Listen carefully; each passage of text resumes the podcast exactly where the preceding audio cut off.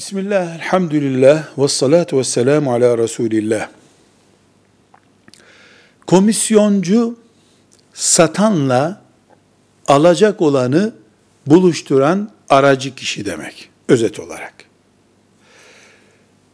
Uzmanlık alanı ise, doğru iş yapıyorsa ve güven sarsıcı uygulaması yoksa, hile vesairesi yoksa, yalan konuşmuyorsa mesela, komisyonculuktan elde edilen kazanç helaldir.